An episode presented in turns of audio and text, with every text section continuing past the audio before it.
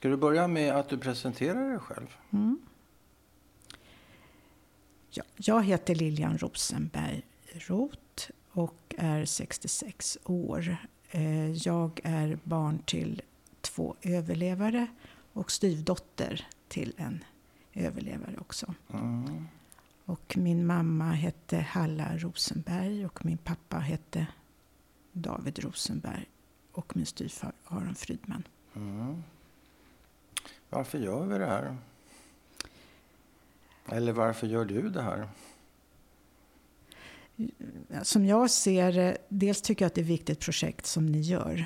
Jag tycker att det är viktigt. Jag tycker det är viktigt med historier. Jag, Mm. jag tänker om man skulle dela mer historier med varandra, olika människor, så kanske det skulle kunna vara en väg till mer förståelse. Att Mm. se att vi är mer likadana än vad som skiljer oss åt. Så, Rim, rimligen. Ja, så det tycker jag är väldigt... Jag tror verkligen på, stor, på storytelling egentligen. Och det här ser jag som en Mm, Ja, slags det är det. storytelling. ja. Absolut. Sen ser jag det som en chans för mig att dokumentera för mina barn och barnbarn. Mm. Jag kommer inte skriva någonting. Jag, Inte? nej, jag kommer inte skriva någonting. Utan det här blir en möjlighet. Har du försökt? jag har börjat lite, Ja. men det... Det har inte blivit av. Nej. Det blir inte av. Det, det kanske inte heller är mitt medium att Nej. skriva. Det här kanske blir bättre. Mm. Eh, jag tänker bara återknyta till några av våra tidigare samtal. Eh, jag kanske är indiskret, du får säga till i så fall. Men vårt första snack kring att göra någonting ihop var att du frågade kan man få bli intervjuad av en kvinna. Det är ingen som någonsin har frågat det. Jag tyckte Nej. det var kul. Och svaret var ju nej, för att jag är ju man. Så Ja. det gick ju inte. Det, så det blev ett rätt så kort samtal, eller om det var på Messenger, jag kommer inte ihåg. Men eh, jag blev nyfiken på var, eh, vad som ligger bakom den här frågan. Ja. Du är visserligen kvinna, men... Alltså, det, där, det kanske hade att göra med att jag kände till dig lite och jag var, att jag kände mig lite rädd. Ja, för mig? Ja, alltså, jag är lite rädd för män som är lite tuffa, Ja, ja. faktiskt. Alltså inte rädd, men jag kan bli tappa, eh, tappa språket, Ja. helt enkelt. ja. Och då tänkte du att, jaha, så du blir till, tänk- till, tu- tillplattad liksom av Ja. den här tuffheten? Ja. ja. ja. Mm. Nu blir jag ledsen när jag säger det här. Ja. Blir det? Ja. Men jag har inte plattat till Nej, men nu, sen har jag ju hört att du låter ju riktigt vänlig. ja, jag, jag tror- försöker. jag Så- försöker Ja, vara snäll. mm, nej, men du ser snäll ut också. Så att Mm. säga. Ja, men det, Men sen var ju nästa, sen hörde du av dig och då hade vi intervjuat din bror och sa, nej men jag vill också försöka, sa du Mm. då. Jag vill försöka. ja. Och hur hängde det ihop? Dels tycker jag att du lät vänlig i intervjun. Jag tycker inte att det var en så lätt intervju. Jag tycker, och jag tycker ändå att du lät vänlig och omsorgsfull. Mm. Det gav mig en, en bra känsla. Ja. Och sen eh, var det att du, hade, du ställde en fråga till honom om mig. Ja, som det. inte han kunde svara på. Som han inte ville svara på. Ja, ja, han, kun, han ville inte svara Nej, på. Så, det, var det, ja. det var liksom Ja, utanför. jag tror att han också kände att han inte kunde, Ja, att han inte visste. Mm. Men jag tror att det var att han inte ville. Mm. Eh, Att han, han har också sagt till mig att han skulle tycka att, att jag kunde väl bli intervjuad också. Mm. Så att det tyckte han. Men, Och det tycker du? nej, men då kände jag när jag hörde det här, men jag vill, jag vill också få en chans Ja. att se. Det här är ju så stort. Eh, det här är otroligt stort i mitt liv. Så att det, jag tror att jag också har varit rädd. Din barndom, eller vad? Ja, min barndom. Är en stor, stor grej för dig? Alltså det är ju hela livet. Ja, det hela livet? Ja, alltså förintelsen och min barndom är hela Ja, livet. okej. Eh, Och eh, då har jag känt att jag är lite rädd att jag inte kan ge det rättvisa åt allting som Nej, det har inneburit. Så lite prestationskrav mitt i det hela då? Ja, men sen jag tänker att det här gäller ju bara mig. Jag pratar inte för någon annan. Nej, Inga andra, andra generations, utan det här gäller det är mig. din story. Så att då är det lättare. Mm. Eh, Det är viktigt. Så att det, Vi ägnar oss inte åt representativitet och sådana där grejer. Utan här pratar folk för sig själva. Mm. Om sig själva. Mm. Bara det. Ja. Sen en sista fråga innan vi sätter igång. Det är eh, den här fina ljusstaken eh, med tre ljus som du tände. Och du förklarade mm. varför. Du kan väl... Jag tyckte det var väldigt fint. Jag har inte varit med om något liknande. Och vi har ändå intervjuat, vad är det, 130 personer. Ingen har kommit på det, att göra det här. Alltså de här tre ljusen, de tände jag för min mamma och min pappa och min styvfar. Och mm. det gör jag för att hedra dem och också för att eh, verkligen tala om att jag är tacksam för allt vad jag fått av dem och att jag känner en stor beundran för allt vad de har gått igenom. Och, mm. Och sen är det ju så, det jag kommer säga kommer inte alltid vara så enkelt. Och kanske inte till deras, deras fördel. Nej, Men jag tycker att det är viktigt att i grunden... Men det är en kärlek bakom det. Ja, så i grunden handling. så finns det en... Så finns det en kärlek. Eller nu kanske jag la ett ord i din mun, men jag uppfattar ja, alltså, det som en kärlekshandling. Kär, just det här med kärlek är, tycker jag är ganska komplicerat. Okej, okay, förlåt. Men alltså att, att det finns och det går nästan inte att säga det. Jag vet inte ett, ett ord för det. Nej. Det är någon slags medkänsla ja. som jag har med ja. de här människorna. Okay. Djup medkänsla. Mm. Mm. Och därför tänder du det, mm. här, de här tre ljusen. Och eh, som sagt var, jag, jag har inte varit med om just den idén. Jag tycker det är väldigt fin. Och säger mycket om dig såklart. Men ska vi försöka rulla igång och var börjar vi någonstans tycker du?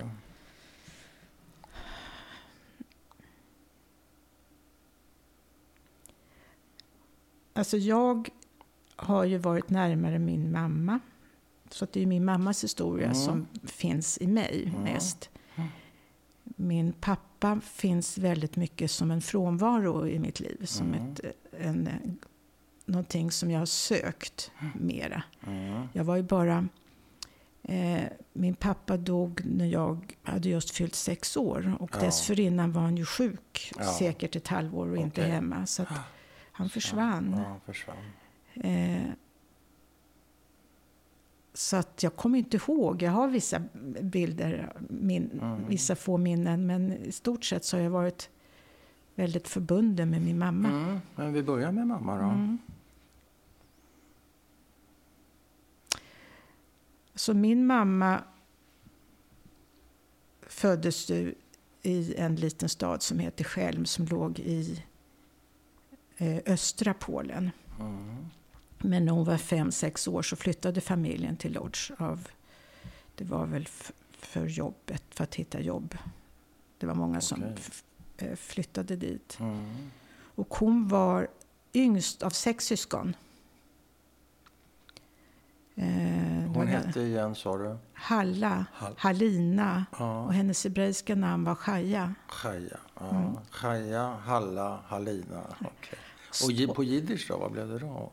Var det Halla? Mm, nej, fast hon kallades alltid för Haja. Ja. Nej, Halla.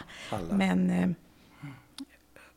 jag vet inte vad hennes mamma kallade henne faktiskt. Nej.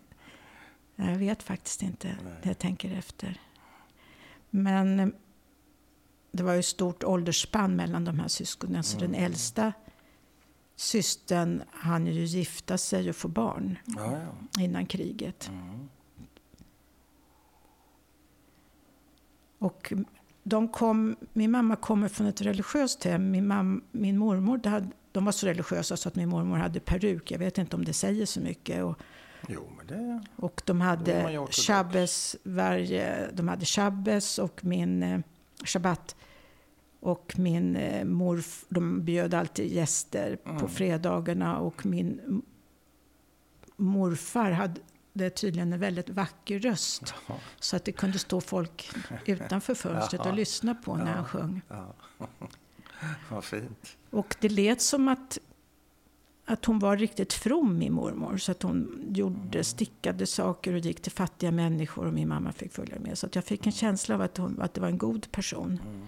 Men då hade de lite stålar också då, om de, kan, om de kunde ägna sig åt välgörenhet. Eller? Jag tror inte att de hade så. Alltså de hade, vad ska man säga, medelklass skulle jag nog tro Mm. att det var. Mm, ja, det var inte, Det var inte, nej. det var inte fattigdom såklart. Fast min mamma berättade att hon hade ju ingen docka. Hon, hon gjorde docka av handduk. Hon visade mig hur man kunde göra en docka. Så att det, jag vet inte vad det säger, att man Nej. inte hade en docka. Men, Nej. Men min mamma påstår att hon liksom var väldigt nära sin mamma och att hon var mammas hopp på något sätt, att bli religiös. För att de äldre systrarna hade liksom redan börjat liksom avlägsna sig Ja, lite ja. och prata mycket polska och ville gå i polska skolor. Och den systern som var näst, alltså som var bara två år äldre, hon verkade varit en lite knepig person Ja. har jag förstått. Hon var lite taggig och, och så. Så sen kom min mamma som den yngsta och var jättesöt och säkert, ja hon blev mammas gullgris. där, Mm. Så, så, eller mormors gullgris. Mm. Mormors, ja. Mm. Sen har hon ju berättat en hel del om antisemitism som fanns innan kriget. Det har hon berättat en del historier som är väldigt sorgliga. Och det där satt, har jag suttit som en tagg, det där med antisemitismen som har funnits även innan.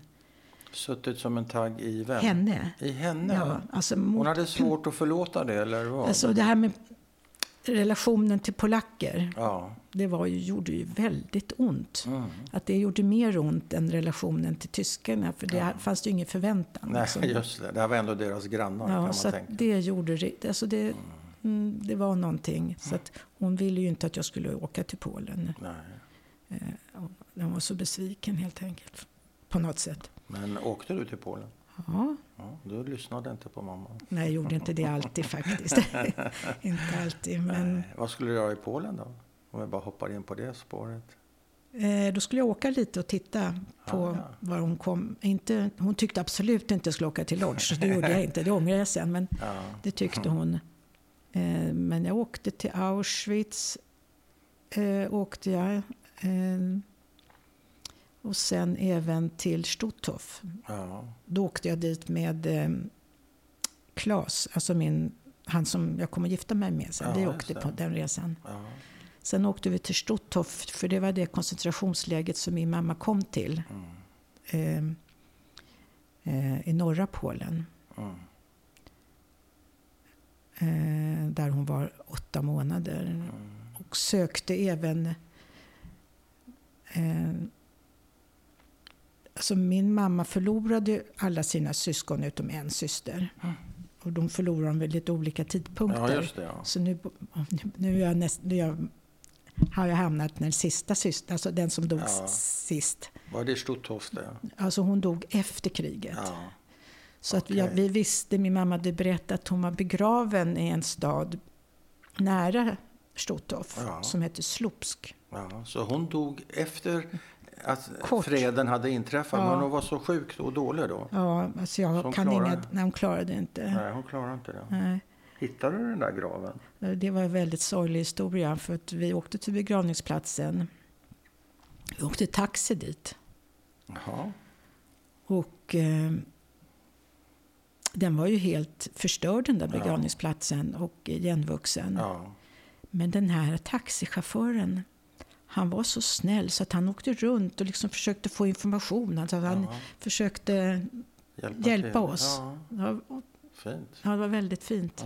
Mm. Och lyckades ni? Nej, Kom det som en chock för dig, den där för, Ja. förfallna begravningsplatsen? Som ju är rätt så vanligt. ja, det var lite sorgligt Ja, alltihopa. sorgligt. När jag hade chans att se en Ja. grav Ja. av alla de här. Hur blev den här resan för dig? Och, och försökte du få med morsan först? Eller förstod du Nej. att det var kört? Det, var liksom, det, det gick inte att Nej. föreslå på bordet. Jag tror inte jag hade en sån idé ens Nej, en gång. okej. Jag tror att det var absolut inte det var aktuellt. Inte, Nej. det var inte aktuellt. Hur Nej. blev resan då för dig? Jag tyckte det blev Var det en bra? fin resa. Ja. Mm. Det blev det. Vad tog du med dig från den resan, skulle du säga? Alltså jag var ju förvånad dels att Polen ligger så nära. Ja, det gör det. Alltså- vä- väldigt bra iakttagelse. Alltså när man är, ju, man är uppvuxen så här Ja. och judinna så har man ju alltid liksom, får man för sig att man hör till någonstans väldigt långt borta. Ja. Och sen att Polen var så nära. Och där har mina släktingar bott Ja. liksom i flera hundra år. Ja. Det var ju väldigt starkt. Ja. Ehm, Närheten alltså. Ja. Den geografiska närheten. och sen att det såg ut, liksom en del natur var ju lik också. Det är det också. Och sen tyckte jag ändå att människorna såg lite lika ut. Mm. Att, att, och sättet de här äldre människorna som satt i parkerna och pratade och diskuterade. Det var ungefär som min mamma gör med sina väninnor. Så att det var ett visst igenkännande eh, i det. Sen tycker jag, var jag inte med om att bli illa behandlad. Det vet jag andra som har åkt till Polen att de har eh, folk har eh, kastat glåpord och så efter dem, antisemitiska. Men Men inte... vad jag förstod, de trodde att jag var från Bulgarien och att Claes då var från Jugoslavien. Jaha, varför Det, då? var- det var ju innan, liksom, de, nej, det var ju inte så mycket turism så. De såg väl att vi De inte riktigt... ni, trodde, de trodde ni var östturister, så att säga. Ja, Okej. att, eh, men Och skulle det ha garanterat en bättre behandling, menar du, än om ni hade varit judar. svenska judar? Ja, ty, alltså jag var inte med om någonting eh, så. Utom att någon försökte lura mig på pengar, men det tillhör ju. Men sen var den här, den här mannen, taxichauffören som hjälpte oss. Ja, Det tog jag med mig också. ja. För att han gjorde verkligen någonting helt utöver vad, vad han hade behövt Ja. göra. Och ville inte ha pengar för det på något sätt. Fint. Mm. Det är jättefint. Och vad var hans motiv? Var, var det bara en, en god människa? Jag tror att, att han tillhörde den sorten få människor som är bara goda. Ja. Ja. Ja. Och när du kommer hem och full av allt det här och vill berätta för mamma och sådär, kan du göra det då? Eller eh, vä- vänder hon sig bort från dina historier? Eller ni, har ni någon kontakt runt den här resan? Jag tror hon blev väldigt tagen av det här med begravningsplatsen. Mm. Det Den berättar du? Ja. Vill hon veta något mer då? Jag tror inte vi pratade så mycket om det. Nej, och du kanske inte hade behov Nej, så här var det. Så här var det. Att hon, min mamma har alltid tyckt att jag är otroligt känslig. Jaha. Ett, otroligt känslig. Så att hon var ju rädd för hur jag skulle reagera när jag Mm. åker dit. Så då var hon väl kanske liksom undrande liksom hur det gick. Mm. Och, och problemet är att jag kan ändå är känslig men jag har otroligt starka försvar. Så jag tycker tvärtom att jag känner mig för okänslig för att ta in. Så att jag hade väldigt svårt att ta in, ta in det jag såg i Auschwitz. Alltså, Ja. Eller att ta in det. Eh, däremot så var det lite annorlunda när jag kom till Stutthof. För då var det någonting som hon hade berättat för mig. Ja. Hur de fick bära skor fram och tillbaka i olika högar. Och så Okej. såg vi en sån Ja. eh, hög med skor. Då, då liksom... Pff, ehm, Då blev det verkligt. Då blev det lite verkligt. Mm. Det Eh, blev bekräftat det hon hade berättat Mm. helt enkelt. När man ser det så där, det blir Mm. starkt. Okej. Mm. Ja, nu börjar vi verkligen på lite konstigt ställe. Jaså? Ja, Ja, var ska vi fortsätta då? Det var jag som blev så nyfiken på den här resan. Jo, en, en sista fråga bara runt det. mm. Och det är så här, om du hade fått önska, Mm. om din mamma inte hade varit som din mamma var, Mm. hade du velat att hon skulle ha följt med? nej. Nej. Förklara gärna. Jag tänker...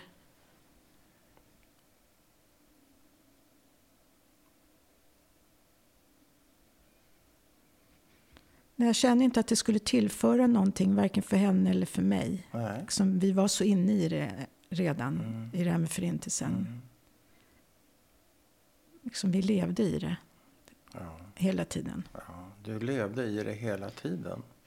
Alltså jag, Även som barn alltså? Alltså jag minns inte en sekund som jag inte vet att det här, eller tänkt på det. Alltså jag, alltså jag minns inte någon tid när jag inte visste det här. Nej. Och jag vet att min mamma har berättat historier för mig. Det kan hända att hon inte gjorde det från början, men så länge jag minns så har jag vetat och definitivt att mamma har varit med om någonting fruktansvärt. Det, Det förstår du tidigt?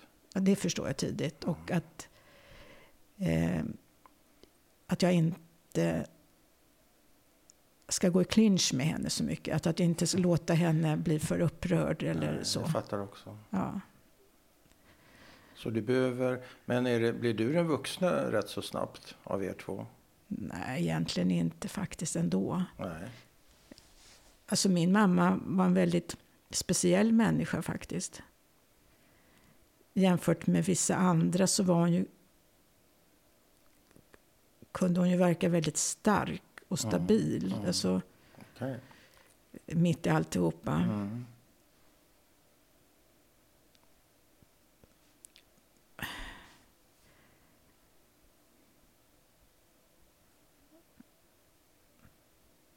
Alltså min mamma är en gåta för mig. Okej. Jag, Inte, inte alla föräldrar det i nej, men för jag förstår verkligen inte hur hon har klarat det hon Nej. har gått igenom. Jag förstår inte det. Att hon blev så pass?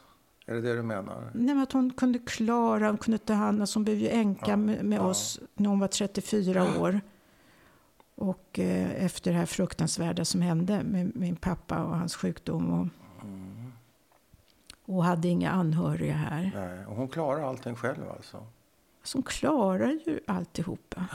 Och vi flyttade och, Till Israel? Eller till? Israel. Ja, Först flyttade vi från Södertälje Ja, ja. till Västertorp. Där jag började skolan. Jaha. Mm. Jag gick fram till påsklovet.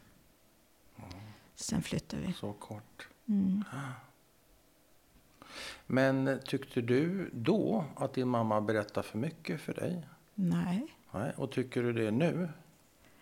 Nej. Nej. Nej jag, nej, jag tror att om jag inte hade vetat så hade hon varit ännu mer gåtfull. Då hade jag nog Ja. inte förstått någonting. Nej. Okej. Men eh, sen vet jag att eh, när, mitt, när jag fick mitt första barn så tyckte jag, så kände jag att det var liksom min mission att fortsätta att berätta. Så att jag berättade Ja. mycket för henne. Ja. Och hur blev det då för henne? Ditt barn? Ja, Det kanske man ska fråga henne. ja, det kanske man får fråga henne faktiskt. Men blev det bra? Alltså hon har inte sagt något annat. Men sen vill jag inte bara ge förintelsen. Så jag ville ge lite liksom av eh, lite traditioner. Så vi hade ju, tände ju shabbatljus och vi gjorde till och med Havdalah. Och jag, vi sa, Men det är ju någonting annat. Det är jo, men jag ville ge det. Ja. Men jag ville ge inte bara det. Och det här var ju någonting som jag inte hade hemifrån. Utan Nej. jag fångade upp det. Ja, För att jag ville inte bara ge det. förintelsen. Nej. Okej. Men så du tycker det var bra. Hon var en gåta för dig till stor del. Men du förstod lite mer av, av den, hennes gåta. Tack vare att hon berättade om. Vad var det hon berättade då? Och kommer du ihåg första gången? Har du något minne, tidigt minne om när du första gången får höra om förintelsen? Nej. Nej. Men det, alltså jag måste ha vetat det ganska tidigt, men jag har inget minne. Men Nej. det var ju de här återkommande historierna. Och det var ju så att jag glömde bort hela tiden. Så att hon ville berätta och jag ville höra igen, för att det Ja. var svårt att komma ihåg. Det var svårt för dig att komma ihåg för att det var smärtsamt? Ja, eller? antagligen. Det var ju liksom overkligt Ja. allting. Men var det en, som en saga eller var det på riktigt? Ingenting är på riktigt. Ingenting är på riktigt? Alltså det är ju jättesvårt att ta till sig, att förstå. Att, att jag själv är liksom en barn till människor som har varit med om något av det värsta som har hänt i Nej, historien. det Det, går inte- går ju inte att, förstå, så att Nej. det går ju inte att förstå. Nej. Eh, Så det blev sagor? Berättelser? berättelser. Men jag, det är ju några av de här berättelserna Det är ju väldigt starka berättelser. Kan du, kan du berätta någon? Alltså den första berättelsen är när kriget har börjat. Då min, då min mamma med sin syster och hennes familj. De, kommer, de har varit på landet hos släktingar antagligen i östra Polen. Och när de kommer hem så är det visst mörklagt. Så, det fick jag. Det berättade hon hur, hur otäckt det var. Mm. Sen berättade hon ju också när de fick flyttas till gettot. Mm. Trängas ihop Är där. vi i Woods nu eller var var vi någonstans? Ja, det är Ja, är Lodge. Lodge. Mm. Ja. Gettot i Lodge. Mm. Och hur trångt de fick bo där och Hon hur... berättade om det eländet där. Ja. Och hur folk dog på gatorna. Och sen tror jag att det var lite oklart om det var- då... Hon fick jobba där i alla fall. Ja. De, hon utgav sig för att vara äldre än vad hon var och att systrarna Ja. hjälpte henne. ja. Och sen Det, var ju, det var ju viktigt för att överleva att man hade jobb. Ja, Så därför var ju Mm. åldersfrågan en rätt så springande punkt. Ja. Om man kunde göra sig äldre så kunde man överleva ett tag. Och sen hade hon en syster. Den systern som överlevde hade en, väldigt, hade en viktig position. Hon jobb, jobbade med mat, liksom, Mm. lämna ut mat. Så att det hängde väl ganska mycket på henne att hon klarade sig så bra. Mm. Och den mosten... Det finns andra som minns henne. Hon var en väldigt schysst person. Mhm. Hon hjälpte inte bara sin egen familj, Nej. utan hon hjälpte då alla hon kunde. Vad hette hon? Blomma. Ja, Blomma. Hon var tio år äldre än min Ja. mamma. Mm. Eh, Så Hon lyckades smussla undan mat med andra ord och kunde hjälpa folk som svalt Ja. och så vidare. Eller vad, hur hon nu gjorde. Ja, hur hon nu gjorde. Hon nu men hon gjorde. var en Men sån. hon var bussig. Ja. Ja. Eh, Också en god människa. Som eh, taxichauffören då. Ja. Sen fick jag ju höra när hon hade träffat min pappa där. De bodde ju precis bredvid varandra där i, i gettot. Mm. De träffas i gettot. Ja. Det berättade hon om. Men sen är det, det här med sagor är lite intressant. För att jag, i mitt minne var det som att de hade träffats vid en brunn när de skulle Jaha. hämta vatten. Kanske inte. Så att när jag åkte ännu senare på en Ja, resa och ja, var där ja. i, vid gettot så frågade jag mamma hur den där med brunnen. Nej, men det var ingen brunn, sa hon. Då har det? jag blandat ihop det med den här bibliska historien med det. Jakob. Och, Ja. ja. Så att det, det, det Men kunde... de träffas i, i gettot. Ja. Och blir det ett par i gettot? Alltså, det är svårt att veta, men alltså, de var ju, alltså, min mamma måste ha varit så kär i, den här, i min, min pappa. Alltså. David? Mm. Ja, varför måste hon ha varit det då? Jo, då måste jag hoppa, Ja, du, då måste jag du hoppa hoppar lite. vart du vill.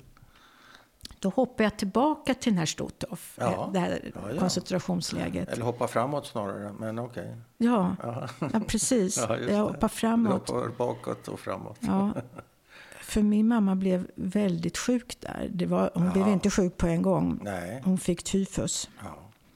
och var så sjuk så att när hon vaknade så hade hon inga kläder på sig. De trodde väl att hon var död. Och då berättade hon att hon hade haft en dröm. Ja.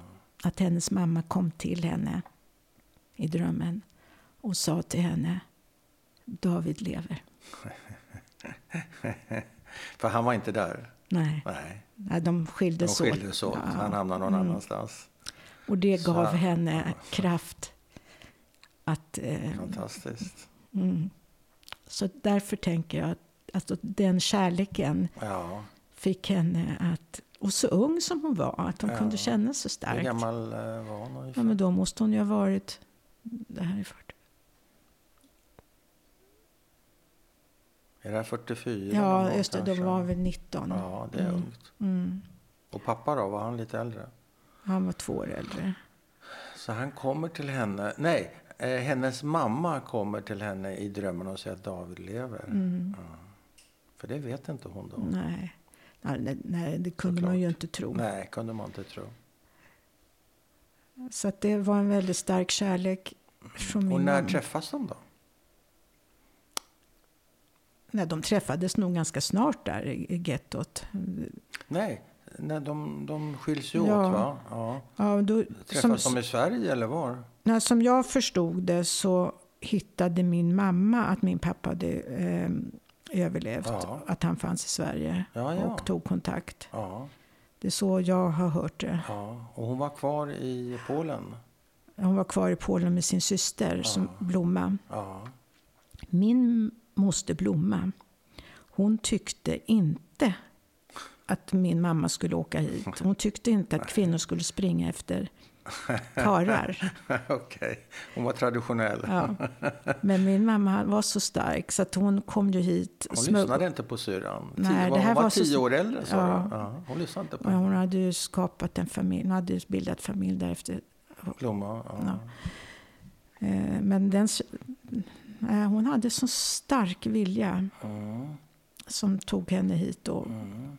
hon smugglade sig ju hit. Men eh, den historien har jag inte förstått eller hört. Att hon kom hit med, på falska papper. Nej, Eh, utan den blev lite tydlig för att eh, min brorsdotter gjorde ju en film. ja just det. Och där blev det mer tydligt. Och vilket namn hon hade tagit också. Ja, ja.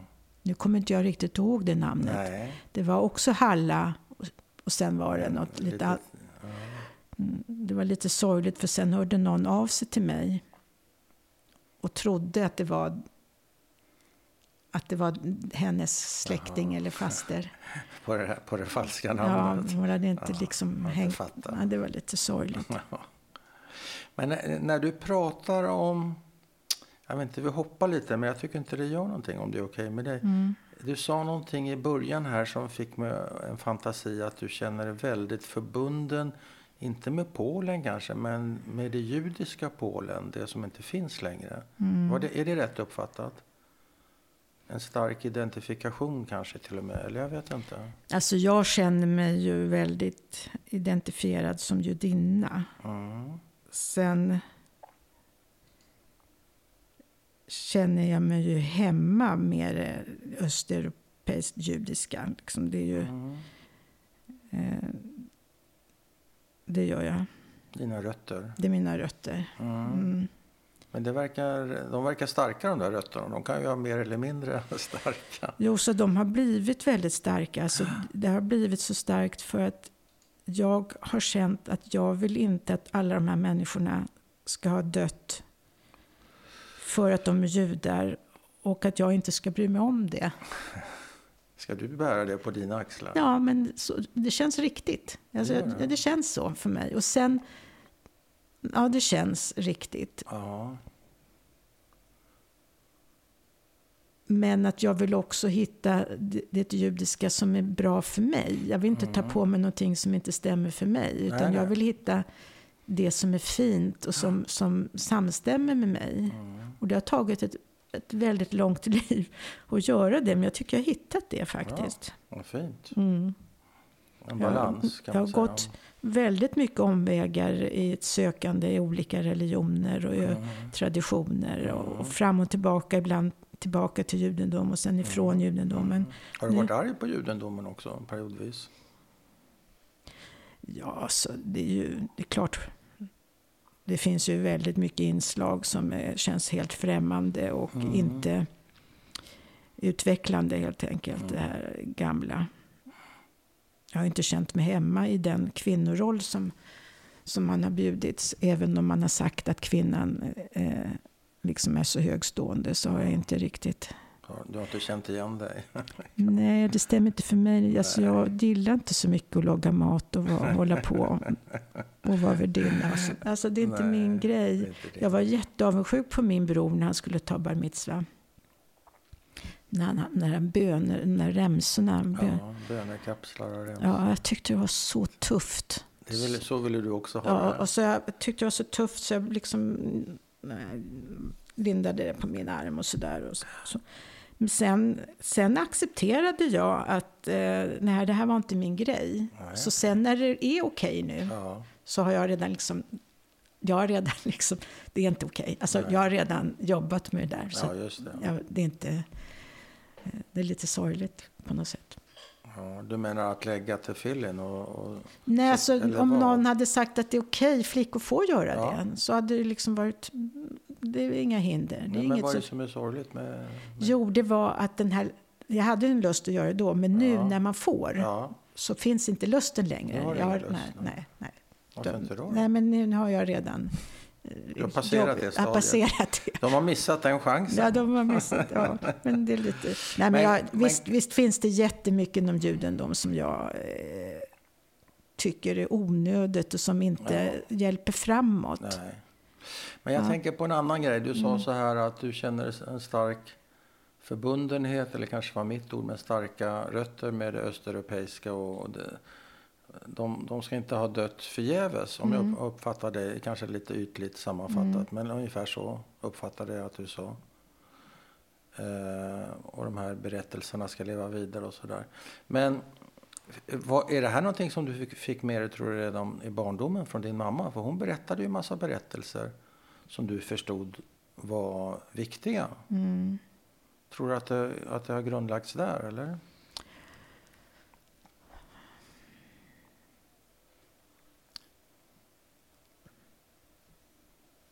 Alltså det fanns ju ingenting religiöst i vårt hem. Min mamma hon lämnade ju Gud i, i samband med förintelsen. Alltså, Alltså, det fanns ju inget religiöst. Vi hade, så länge min pappa levde tror jag vi tände ljus och så. Och firade större helger med olika maträtter. Men jag tror att det var jag tror att det kom mycket inifrån mig själv. Att jag tyckte att det var så märkligt att just jag ska födas eh, till... Dels att man är, föds överhuvudtaget, det är ju konstigt som helst. ja, kan man säga. Och sen att man ska födas som judinna och i den här historien. Jag Ja. tyckte det var väldigt konstigt. Jag Du kände- tyckte det som barn? Ja, jag alltså. tyckte det som barn. Jag Hur tyckte, gammal är du då? alltså, jag kan ha, alltså jag kan ha varit sju eller jag vet inte. Och du tycker att du har fötts in i en konstig historia? Alltså jag tänkte, alltså jag, jag tänkte så här, originellt. och då var jag liten och kunde tänka så här, som om, som om det inte är svårt nog att förstå det här med att vara människa. Tänk att jag måste liksom förstå det här med att vara jude också. Och det här var väldigt tidigt.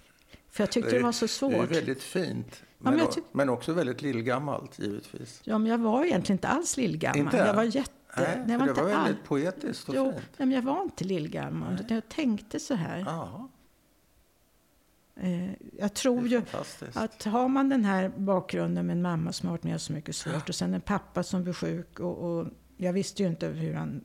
Alltså jag visste ju inte att han var död ens en gång riktigt säkert. Vänta ett tag.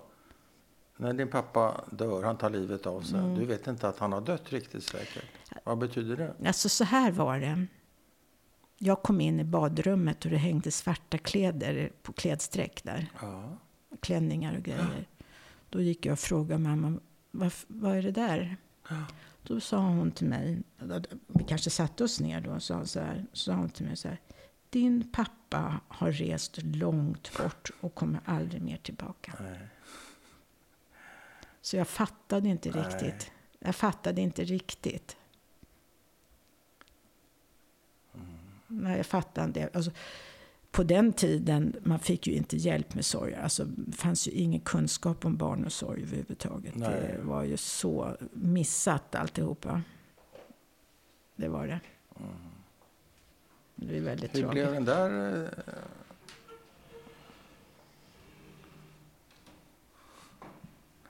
Mm. Hur blev den där tystnaden för dig? Pappan som... Vad sa hon? Som är borta och har rest... Han har nej. rest långt bort och Ja, kom aldrig nej. mer igen. Pappa som har rest långt bort och kommer aldrig mer igen. Han kommer ju aldrig mer igen. Nej. Hur blev det?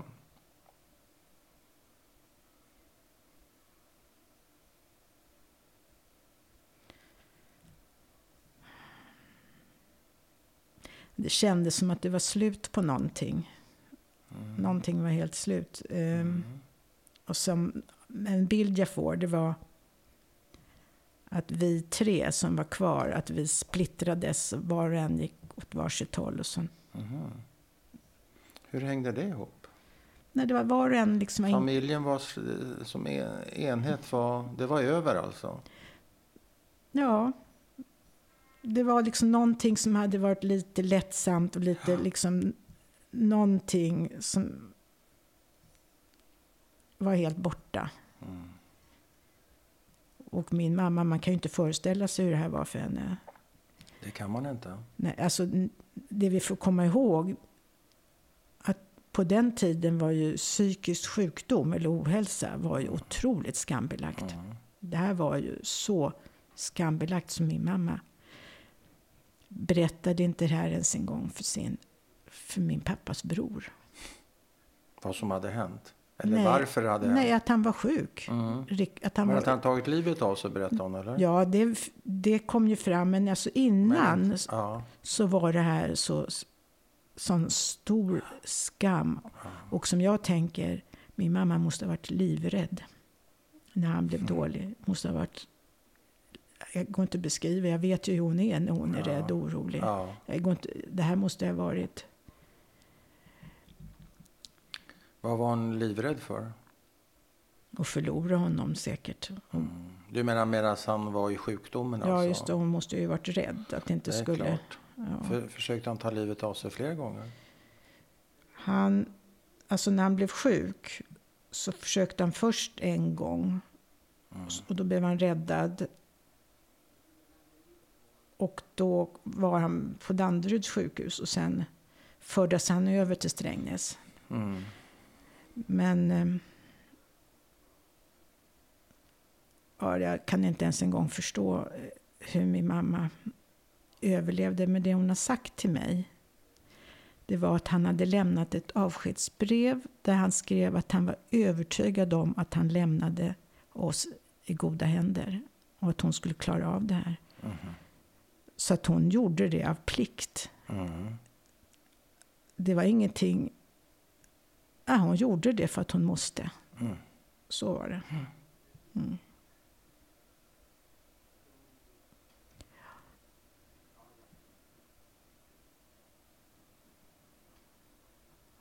Ja,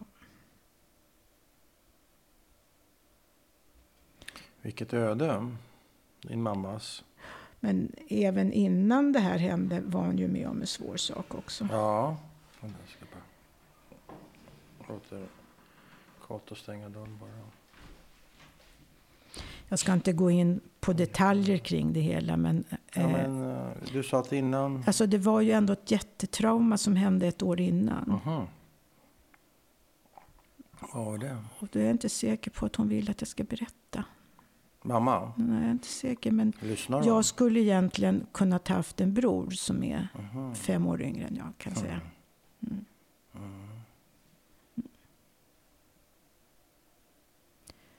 Och det, Som, som de förlorade då? ja. Eh, ganska sent, det var i femte månaden. Men är det en känslig historia för din mamma tror du? Ja, jag, alltså det finns detaljer kring det hela som jag kanske inte ska gå in på hur det gick till. Men det här liksom för en vanlig människa så är ju det liksom ett trauma i sig. Och det här är ju bara en del av all, alla Mm. min Allt mammas. hon var igenom med. Mm, så att... Eh, ja.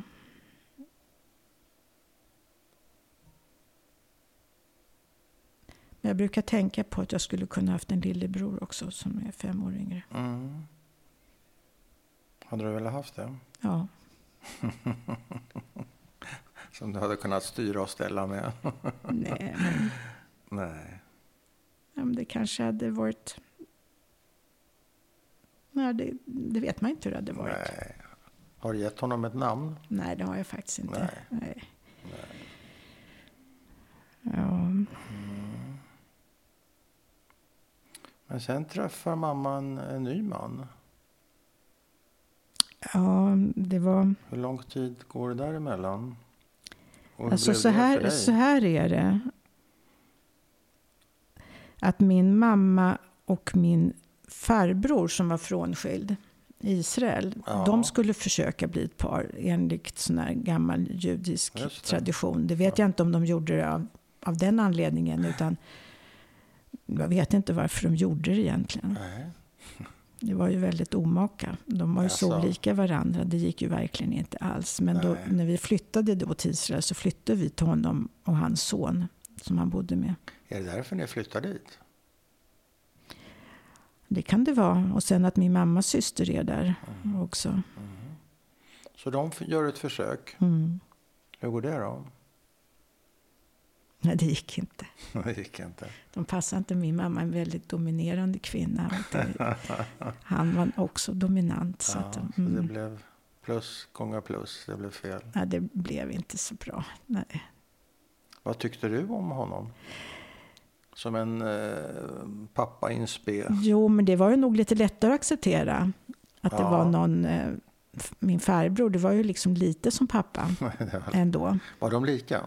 Ja, lite lika till utseendet, alltså de var ju syskonlika, men Ja. helt olika karaktärer. Alltså, ja. Så att även om jag inte kommer ihåg min pappa så först, riktigt, jag har ingen klar bild, så var, var han en helt annan typ. Mm. Han var lite mer tuff av sig tror jag. Min Mm. pappa var nog lite vekare. Mm. Men det var, jag tyckte att det var mycket som var positivt. Mm. När, när vi, den korta tiden vi bodde där. Det var mycket äventyr, mycket roliga utflykter. Och Mm. det hände alltid någonting. Hur länge eh, pågår deras försök då? Nej, det kan inte vara många månader. Nej. Fast jag började i skola där. Men bor de under samma tak? Ja, ja, De flyttar ihop? ja, Hon flyttar in hos, Ja. hos honom? ja, Ja. Och ni också? ja. Ja. Och sen då min kusin då som Ja. bodde där. Han har ett barn sedan tidigare alltså? Två barn, ett barn var kvar i Sverige. Så det är också en Ah, ja. historia för sig. Mm. Men, ja. Ja, ja. Och det pågår bara några månader in- innan de... Alltså jag, vi bodde i Israel två år. Det är Ja. svårt för mig att Ja. avgöra exakt.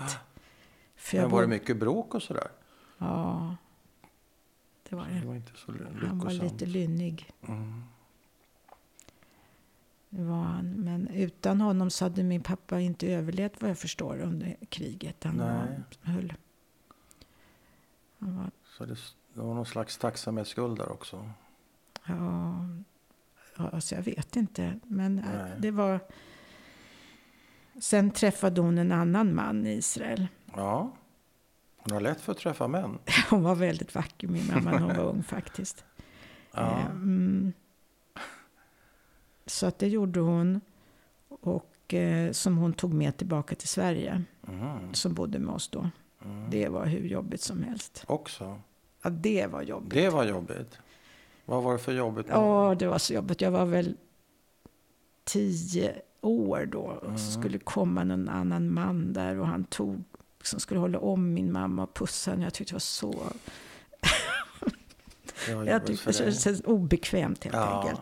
Det var för mig. Vad, vad var han för en då? Vad, hur hade de träffats och sådär? Vet du? Mm, Alltså, jag bodde på tre olika ställen i Israel. Ja. Först hos min farbror, sen Ja. bodde jag på en sån här ulpan där man lär sig hebreiska med Ja. min mamma. Aha. Och sen flyttade vi till Bat Yam, ett- Mm. invandrarområde utanför Tel Aviv. Mm. Och där hade jag en jättefin kompis. Fick jag en jättefin kompis. Mm. Och det var hennes föräldrars vän som min Ah, ja. mamma träffade. Okej. Han Där var från Rumänien egentligen, sån här rumänsk-ungersk sådär. Han dök nere i Latt så att han hade såna här, hämtat såna här fina snäckor. Ja, ja. Mm, så han var lite... Ja, men det var antagligen inget fel på honom, men jag tyckte det var väldigt svårt. Ja, och mamma Mm. också tydligen. Ja, jag vet inte hur mycket jag kunde bidragit till det faktiskt. Att det blev så svårt. Nej, men, Att du skulle ha bidragit? ja, att jag tyckte det var jobbigt. Hade, Att- var det en bidragande Nej, det, faktor? jag tror kanske inte det, men jag är inte säker. Nej. Eller var mamma väldigt förtjust i den här mannen? Ja, det var väl lite Lite. svårt att veta. Så hur, hur länge varade det här då? Och han följer med till Sverige också. Mm, Han har ingenting att förlora i Israel. nej. Konstiga liv, konstiga historier. Ja, det är en konstig historia. Mm. Så hur länge var det skulle du säga? ja, högst ett år. Mm. Högst. Var bor ni någonstans? I Årsta. I Årsta? Mm. Mm. När, jag, när vi bodde i Israel då så åkte min mamma iväg till Sverige under en månad för att liksom fixa, Mm. tror jag. Att hon, jag tror att det var att hon fixade lägenhet. Jag vet inte, men hon var Nej. borta en månad från mig i alla fall. Ja. Så att jag blev över... Alltså, flera av oss barn till överlevare har ju ett liknande trauma, trauma att vi blev lämnade på ett, en kollo som heter Nachmansonska stiftelsen Mm. när vi var väldigt små. Mm. Och jag hade inte fyllt fyra Nej. och lämnades där. Och vad jag förstår av, av de som vet mer så var vi där sex till åtta veckor Oj. utan att träffa föräldrarna. Oj. Ja, det är lång tid. Så att- Fyra år gammal. Jag var inte fyra. Inte fyra Jag, ens en gång? nej, jag skulle fylla fyra. Ja. Så att det, blev flera sådana här, att jag, och det tror jag många var med om för att föräldrarna hade inga anhöriga. Det fanns ingen mormor och morfar eller några Nej. andra. Så att det kunde nog bli så att man blev bortlämnad. Det var inget konstigt. Men det här var ju... Och hur var det här då, att bli lämnad i Israel för dig? Ja, det blev jobbigt. Det var jobbigt? Ja, så det blev jättejobbigt. Hon lämnade mig hos en granne till min farbror då. Mm. Eh, så att det här... Det, det troliga var att hon åkte till Israel och gjorde något annat än att fixa lägenhet. Till Sverige menar du? Ja, till Sverige. Vad gjorde hon då? då? Nej, det vet inte vad hon gjorde. Du vet inte? Hon kanske ordnade några andra papper. Att det var någonting hon gjorde i alla fall. Eller hade hon träffat den eh, nya killen samtidigt? Nej, antagligen inte. För att jag gick i skola fortfarande hos farbror. Ja. Så att det här måste vara tidigt hon åkte till Sverige. Okej. Och det var Men du vet inte vad hon gjorde? Men det var fruktansvärt för dig. Och du bodde inte hos din, varför bodde du inte hos Nej, din jag farbror vet då? inte. Nej. Du Han blev placerad hos en hela- granne? Nej, men han jobbade hela dagen antagligen. Och då vet jag att vi skulle skriva under någonting. Vi skulle ha föräldrarnas underskrift. Ja. Och då var ju pappa död och sk- gjorde jag liksom papper, jag gjorde något svart streck Ja. på pappret och att mamman var ju borta. ja. Liksom. ja, den skulle- ena, en var borta, en var Ja. död. Och sen, eh, Hur klarar lilla känsliga Lilian ja, alltså jag, jag tror att jag måste ha något av min mamma faktiskt. Ja, du har det. Jag, jag måste ha det. Du har lite Men hon liksom lägger alltså sin egen känslighet som hon inte har kontakt med tror hon att jag har. Liksom. Ja. Ja, men det var fruktansvärt. Och sen blev jag mobbad av de här barnen hos grannfamiljen. Jaså, som du bodde hos? Ja, De var inte snälla mot dig? nej. Alltså föräldrarna var snälla, Ja, men, inte, barnen. De kanske kände konkurrens. Så då fick jag flytta till en annan. Oj, under den här månaden, så det var Ja. massa Ja. uppbrott och Ja, grejer. det var det. Så att, Mm.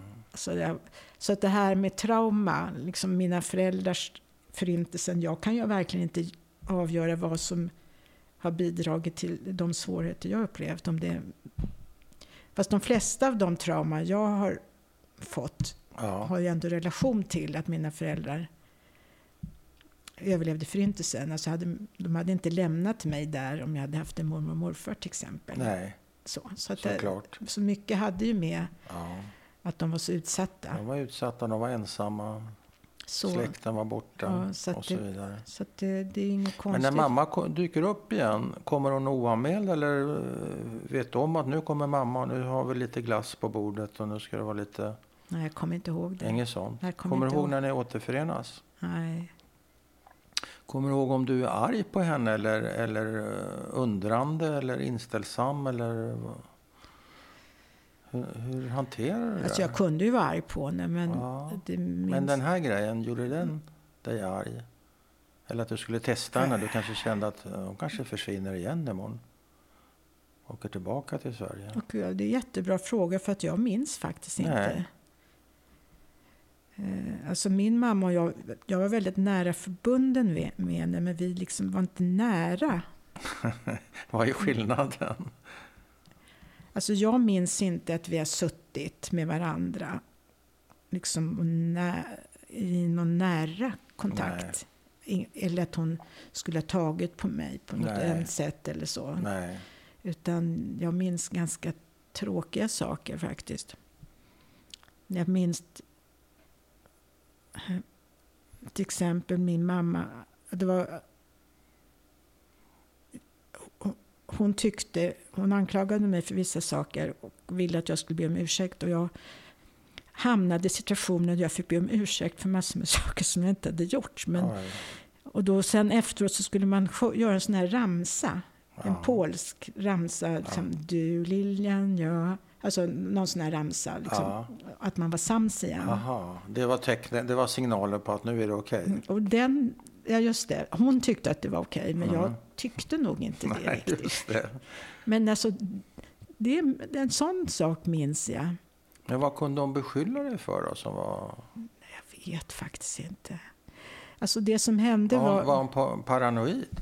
Nej, absolut inte. Nej. Nej, nej, nej. nej, Så varför hittar de på Nej, saker? jag kanske inte hade lagt sakerna ordentligt. Jaha, eller- okej. För att sen när jag kom tillbaka från den här Nachmansonska, då berättade hon ju att då var jag jättenoga att lägga kläder Ja. perfekt. Ja. För att jag kanske var rädd att jag skulle bli bortskickad. Ja. Så att det berättade hon. Så att det kanske var sådana saker. Att jag inte hade Slarv eller något sånt där? någon slarv, Ja, okej. Slarvsaker. Händer det ofta då? Alltså jag minns inte. Nej. Jag minns inte vad jag kunde ha gjort. Men min mamma, alltså hon... Jag tror inte hon var riktigt nöjd. Alltså hon tyckte jag var jättesöt och tyckte om att klä upp mig som en docka och sådär. Men Jaha. på något sätt så kändes det som att hon var inte riktigt, riktigt nöjd. Nej, vad var det som saknades? Ja. Ja, det, jag kommer ihåg vad som saknades när jag blev äldre. Att hon skulle önska att jag var lite mer... eh, Alltså min mamma var ju en...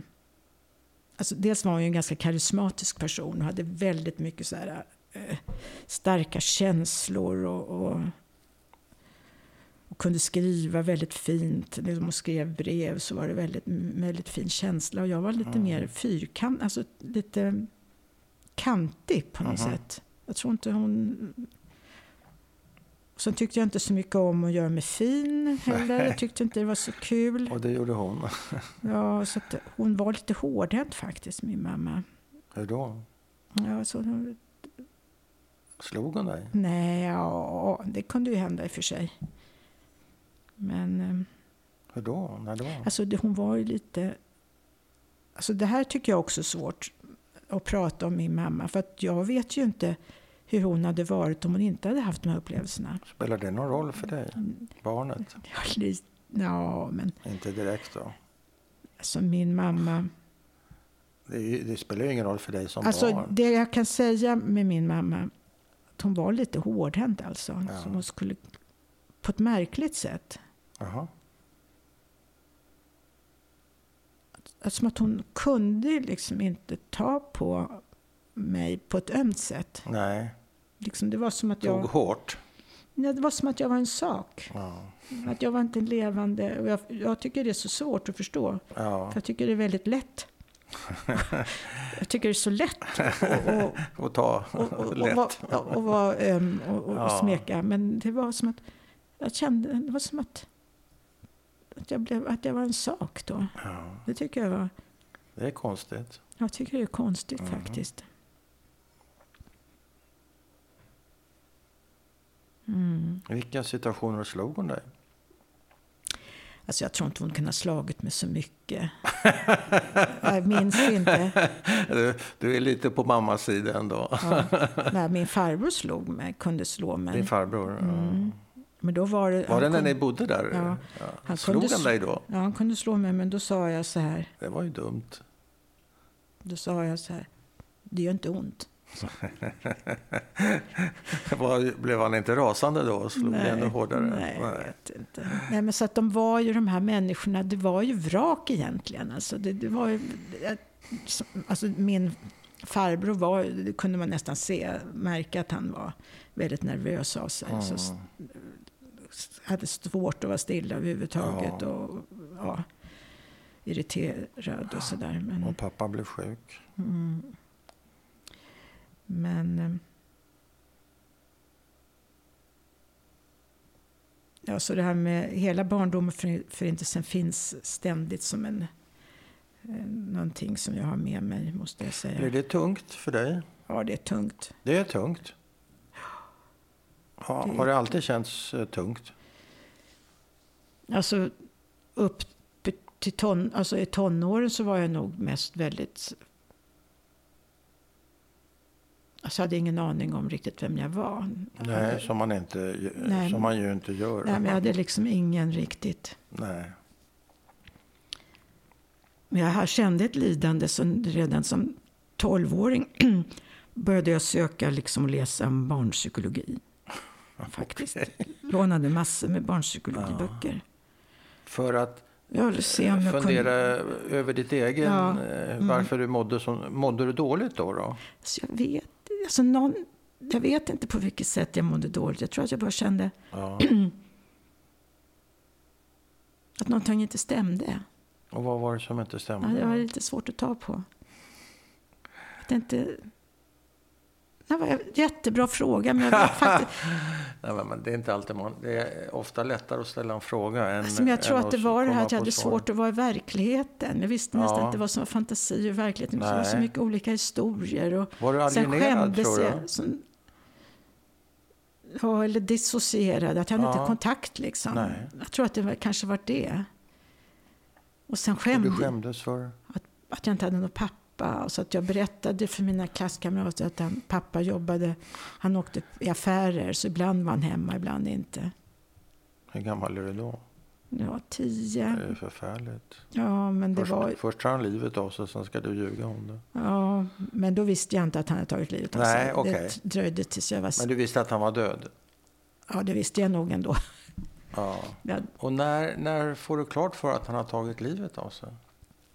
alltså, jag, alltså jag vågar ju inte fråga mamma Nej. om det här. Och vad jag, hon berättade för mig så hade de ju bilder på pappa och att jag gick och vände dem. Så att någonting var ju väldigt jobbigt med alltihopa ändå. Ja. Även om jag inte minns det. Nej. Du vände på fotografierna Ja. på väggen? Och sen om de nämnde honom så kunde jag rusa ut ur Ja. rummet. Så, så. Du kände? Så att någon, alltså det, det, även om jag inte minns honom så måste det ha varit liksom en katastrof i Ja, mitt liv. Det, det, ibland har jag kunnat tänka liksom att ljuset släcktes helt då. Eh, på något sätt. Att, eh, ändå. Så att något minne finns det. En gång till. Ljuset släcktes helt. Ja, när pappa, alltså när pappa försvann. Ja, att det var så. någonting som, att ljuset släcktes. Att, att, Ditt ljus. ja, Familjens ljus. Ja, familjens ljus. Mm, det är den där splittringen, eh, Mm, explosionen eller vad man Mm. ska säga. mm. Men, men hur gammal är du när du får reda på att, att han har... eh, 16. Ja, Då är det genom en eh, väninna som har vetat det hela tiden. Hon Ja. har ju hört, för att hennes pappa kände min pappa. ja, Och då hade hon ju hört att hur jag undrade liksom. ja. Jag gick ju själv lite i sådana tankar. Alltså, jag tror att jag funderade om, tänk om man har tagit, li- tänk om man har tagit livet av sig. Höll på så jag ältade och ältade. Ja, och till slut så sa hon det. En väninna till mamma. Mm, till mig. Till dig. Mm, En kompis till dig. ja. Som, som visste det via sina föräldrar Ja. helt enkelt. Och hur reagerar du på det då? Tror du på vad hon säger?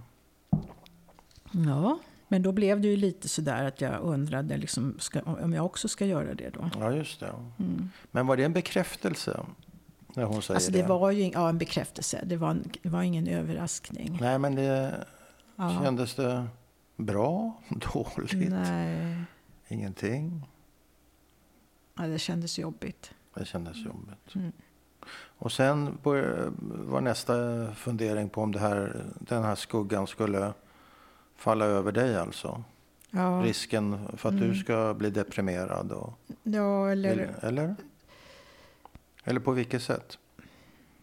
alltså jag var, när jag var 16, mellan tonåren, så, då var jag lite sådär, äh, lite underground. Jag ville vara en sån amerikansk underground som Allen Ginsberg ville jag vara. Poet. Jag ville vara sån här... Så att- Svår poet. Ja, så att jag ville liksom, jag vet inte vad som var sant i mig eller vad som jag tyckte Nej. var liksom coolt i, den här, i det här Man sammanhanget. söker ju sitt eh, Ja. uttryck. Hans mamma var ju psykiskt sjuk, Allen Ginsberg, Aha, och skrev om det i en dikt, Kaddish. Och liksom jag, Ja, jag, sö, liksom, jag försökte liksom hitta min identitet på något märkligt sätt där. Men Så det blev som en eh, lokal eh, Allen Ginsberg då med Nej, samma... det blev jag verkligen inte. Nej, men eh, känn, bara- identifierar du med honom? Det är det jag menar. Ja, lite. Nej, det vill, kan jag verkligen inte säga heller. Nej, okej. Utan det var mera som en...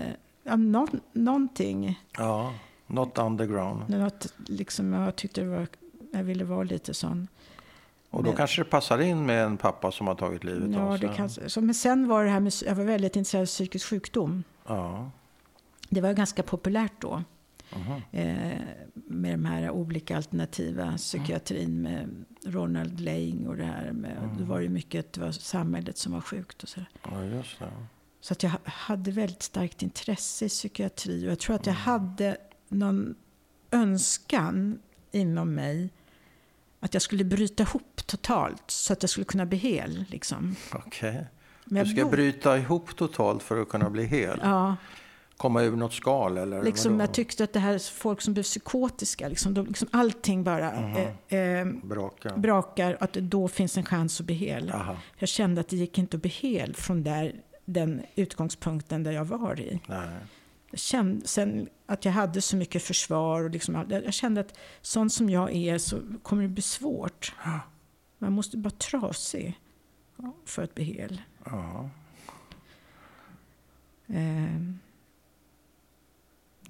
Men var du orolig också för, um, för att pappas väg skulle kunna riskera att bli din väg?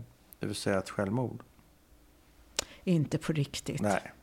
Nej, alltså det, det verkar inte som jag...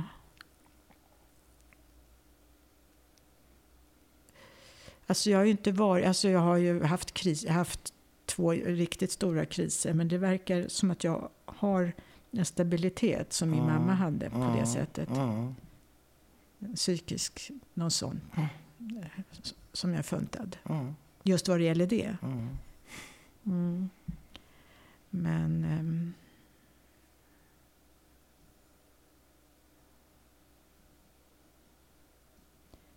så det var väl kanske det som ledde in mig till psykiatrin då. Att jag sökte och jobbade på Långbro.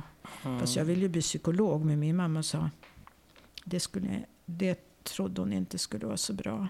För vem? Nej, det är det här att det inte är internationellt gång, gångbart. Nej, nej.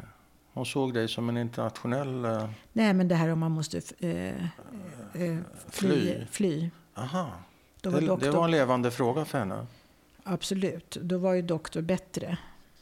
Ända till slutet funderar hon i de banorna. Hur, hur gör man när man behöver fly och sådär? Eller? Ja, det pratar vi inte om. Men alltså då när man skulle välja yrke så var det bra att välja någonting som var gångbart Ja, utomlands. i händelse av flykt. Och då är läkare bättre.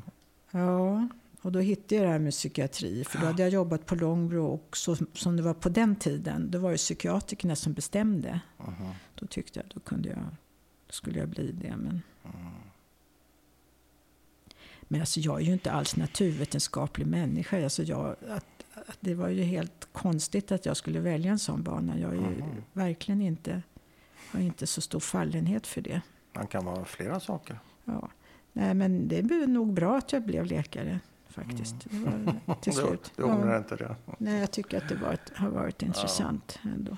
Har du drömmar om mamma och eller pappa? Nej, är sällan. Sällan. Skönt. Hur blev det förresten med nya mannen? Det tror jag aldrig vi pratade om. Va? Hur han dök upp i handlingen. För det var ju inte han eh, rumänen inte. Nej, det var Aron. Nej, han, han, hade funnits, han hade sett min mamma tidigare. De hade träffats på här studentfester. Alltså som, Ja. inte student, ungdom. Alltså, Ja, men ungdomsfester. Ja. Ja. Och till och med dansat med henne innan. Ja, ja. Alltså innan när min pappa levde. Så han hade ju Jaha. träffat min pappa också. Så han hade haft ögonen på henne. Mm. Han var ungkarl. Han var ungkarl. Ja. Så att han, min mamma hade ett café på Sveavägen. ja. Minsann. Ja. Och då kom han in där och bara frågade om han kunde hjälpa till med någonting. För hon var ju ensam, hon hade ju ensam den där. Så att han hjälpte henne att städa där efter. Ja, Eh, det är väldigt rörande. vad gulligt. Så så blev det. Och det var början på deras Ja. kärlekshistoria? Ja, fast de kände ju varandra. Ja, det blev det. Att han kom och hjälpte henne. Ja. Blev det bra då? Hade de det bra ihop? Var han också överlevare? Ja, så han hade varit i Ryssland. Ja, han så, hade varit i Ryssland, ja. och Mm. han var ju eh, ogift och hade inga barn. Nej. Speciell människa faktiskt. Ja. Mm. Men fick de det bra? Mm, alltså, jag kan nog säga både och. Okej. Han kanske var lite för omhändertagande och för lite liksom, eh, kul. Liksom man, Mhm. Hade, var pappa David, var han en uh, spralligare person? Ja, han var ju sprallig och Kul. vacker var han Och också. vacker? Och sprallig och händig. Så min Ja. pappa liksom var ju Så en spirituell Ja, person. och här var en snäll person. Det är inte riktigt samma Han var sak. snäll och lite komplicerad. Han var Ja. sån där som när han blev arg eller irriterad som stängde in sig och var Ja. tyst i flera dagar. Och det Ja. var ju jättejobbigt för Ja. min mamma. Det är klart. Så att, Men de höll ihop. de hö- höll ihop ända till slutet. Ja, och och, vad tyckte du då när du fick eh, pappa nummer Nej, fyra, men det var ju- fyra höll jag på att ja, säga. det var jättejobbigt. Det också? Ja, det var jättejobbigt. Men så att få in en främmande Ja. i he, ens hem. Ja, det är inte lätt. Det, alltså, det är något plågsamt i det. Så, Ja. För mig var det det i alla fall. Men Var han snäll mot dig? ja, han var snäll. Mm. Absolut. Mm. Men jag störde mig på allting så att jag var jättejobbig. Så att en, han, en gång så verkar som han tänkte dra. Helt enkelt. Han gick iväg. Och då blev jag rädd. Jag tänkte jag vill, jag vill inte att han ska lämna mamma. Så då sprang jag efter honom. Och vad sa du då? Jag bad om förlåtelse. Jaha, han drog på, det var på grund av Ja, dig? Att ja. du hade varit eh, Alltså jag var inte snäll. mot Jag var honom? verkligen inte snäll. Nej, då sprang du och hämtade honom? Ja, Kom han tillbaka då? Ja. ja det var ju bra. ja. Sen blev ju han som en morfar till mina barn. Så jag är väldigt tacksam. Jag tycker han var en fin morfar till dem. De kallar honom för morfar också. Fint. Mm. Mm. Bra. Så. Vill du lägga till någonting eller? Ja, är Vi har det, hoppat lite hit och dit Ja. men det gör ju inget. alltså det jag tycker är viktigt med alltihopa det är ju, nu finns det ju eh, behandlingar mot trauma. Så, alltså det finns ju ganska effektiva behandlingar. Att jag verkligen hoppas att det får spridning så att människor Mm. som råkar ut för sådana här Mm. saker får hjälp. Mm. Du menar Så- flyktingar som kommer Ja. hit nu till exempel? Ja. Eller? Så att det inte blir sådana här följder i flera generationer. Eh, för att det blir det faktiskt. Alltså Ja. det blir sådana stora följder av eh, eh, de här händelserna. Man ärver trauman, kan man säga det? Kan Ja, det vara har man ju kunnat visa. Det kan man visa. Att, att, så, eh, och, och förut så fanns det inte så bra behandlingar. Nej, Det, nu finns det bättre. nu finns det bättre behandlingar. Så att det är väl någonting... Funderar du mycket på vad, vad du har lämnat i arv till dina barn? Ja, verkligen. Alltså, det är jag ledsen för att jag inte kunnat... Jag känner inte att jag kunnat ge det jag önskar att jag hade kunnat. Av närvaro och... Alltså att jag känner att jag alltid liksom har det där gående Ja. liksom, I huvudet? i huvudet eller i mig. Ja, i det. Som hindrar eh, kanske att det en blir... fullständig närvaro är ju mycket att begära av föräldrar. Jo. Man har så mycket annat att fundera Jo, på. det men- behöver inte vara förintelse. Nej, men det har det med- kan vara att däcken ska bytas på bilen. Ja, men jag tror att det har lite med det här med närhet, närhet och avstånd Mm. att göra. Att det är Mm. någonting som... Jag undrar om inte det kan liksom gå i arv lite också. Mm. Eh, att det blir lite komplicerat med de nära relationerna. Men Men det vet man ju inte. nej, Vad som är arv och vad som... nej.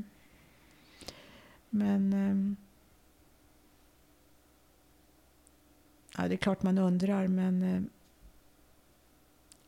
att de har med sig någonting, det, det, det tror jag att de eh, eh, skulle själva erkänna. Sen har jag en Mm. dotter som har mått dåligt Mm. under ja, många år. Så att, Mm. eh, Men det är klart, alternativet är betydligt sämre. Ja, och det vill jag ändå ta då. Det kanske jag ändå vill säga att jag kände mig inte riktigt mogen att skaffa barn. Men att jag tyckte att mitt liv, även med den här bakgrunden och de här svårigheterna, var värt. Och det fick mig att våga skaffa Mm. barn. Att Mm. livet är värt. Mm. Livet är värt. Och Det är det. mm. Tack så mycket. Det tycker jag blev ett fint slutord om det är okej med dig. Mm. Mm, tack ska du ha. Tack.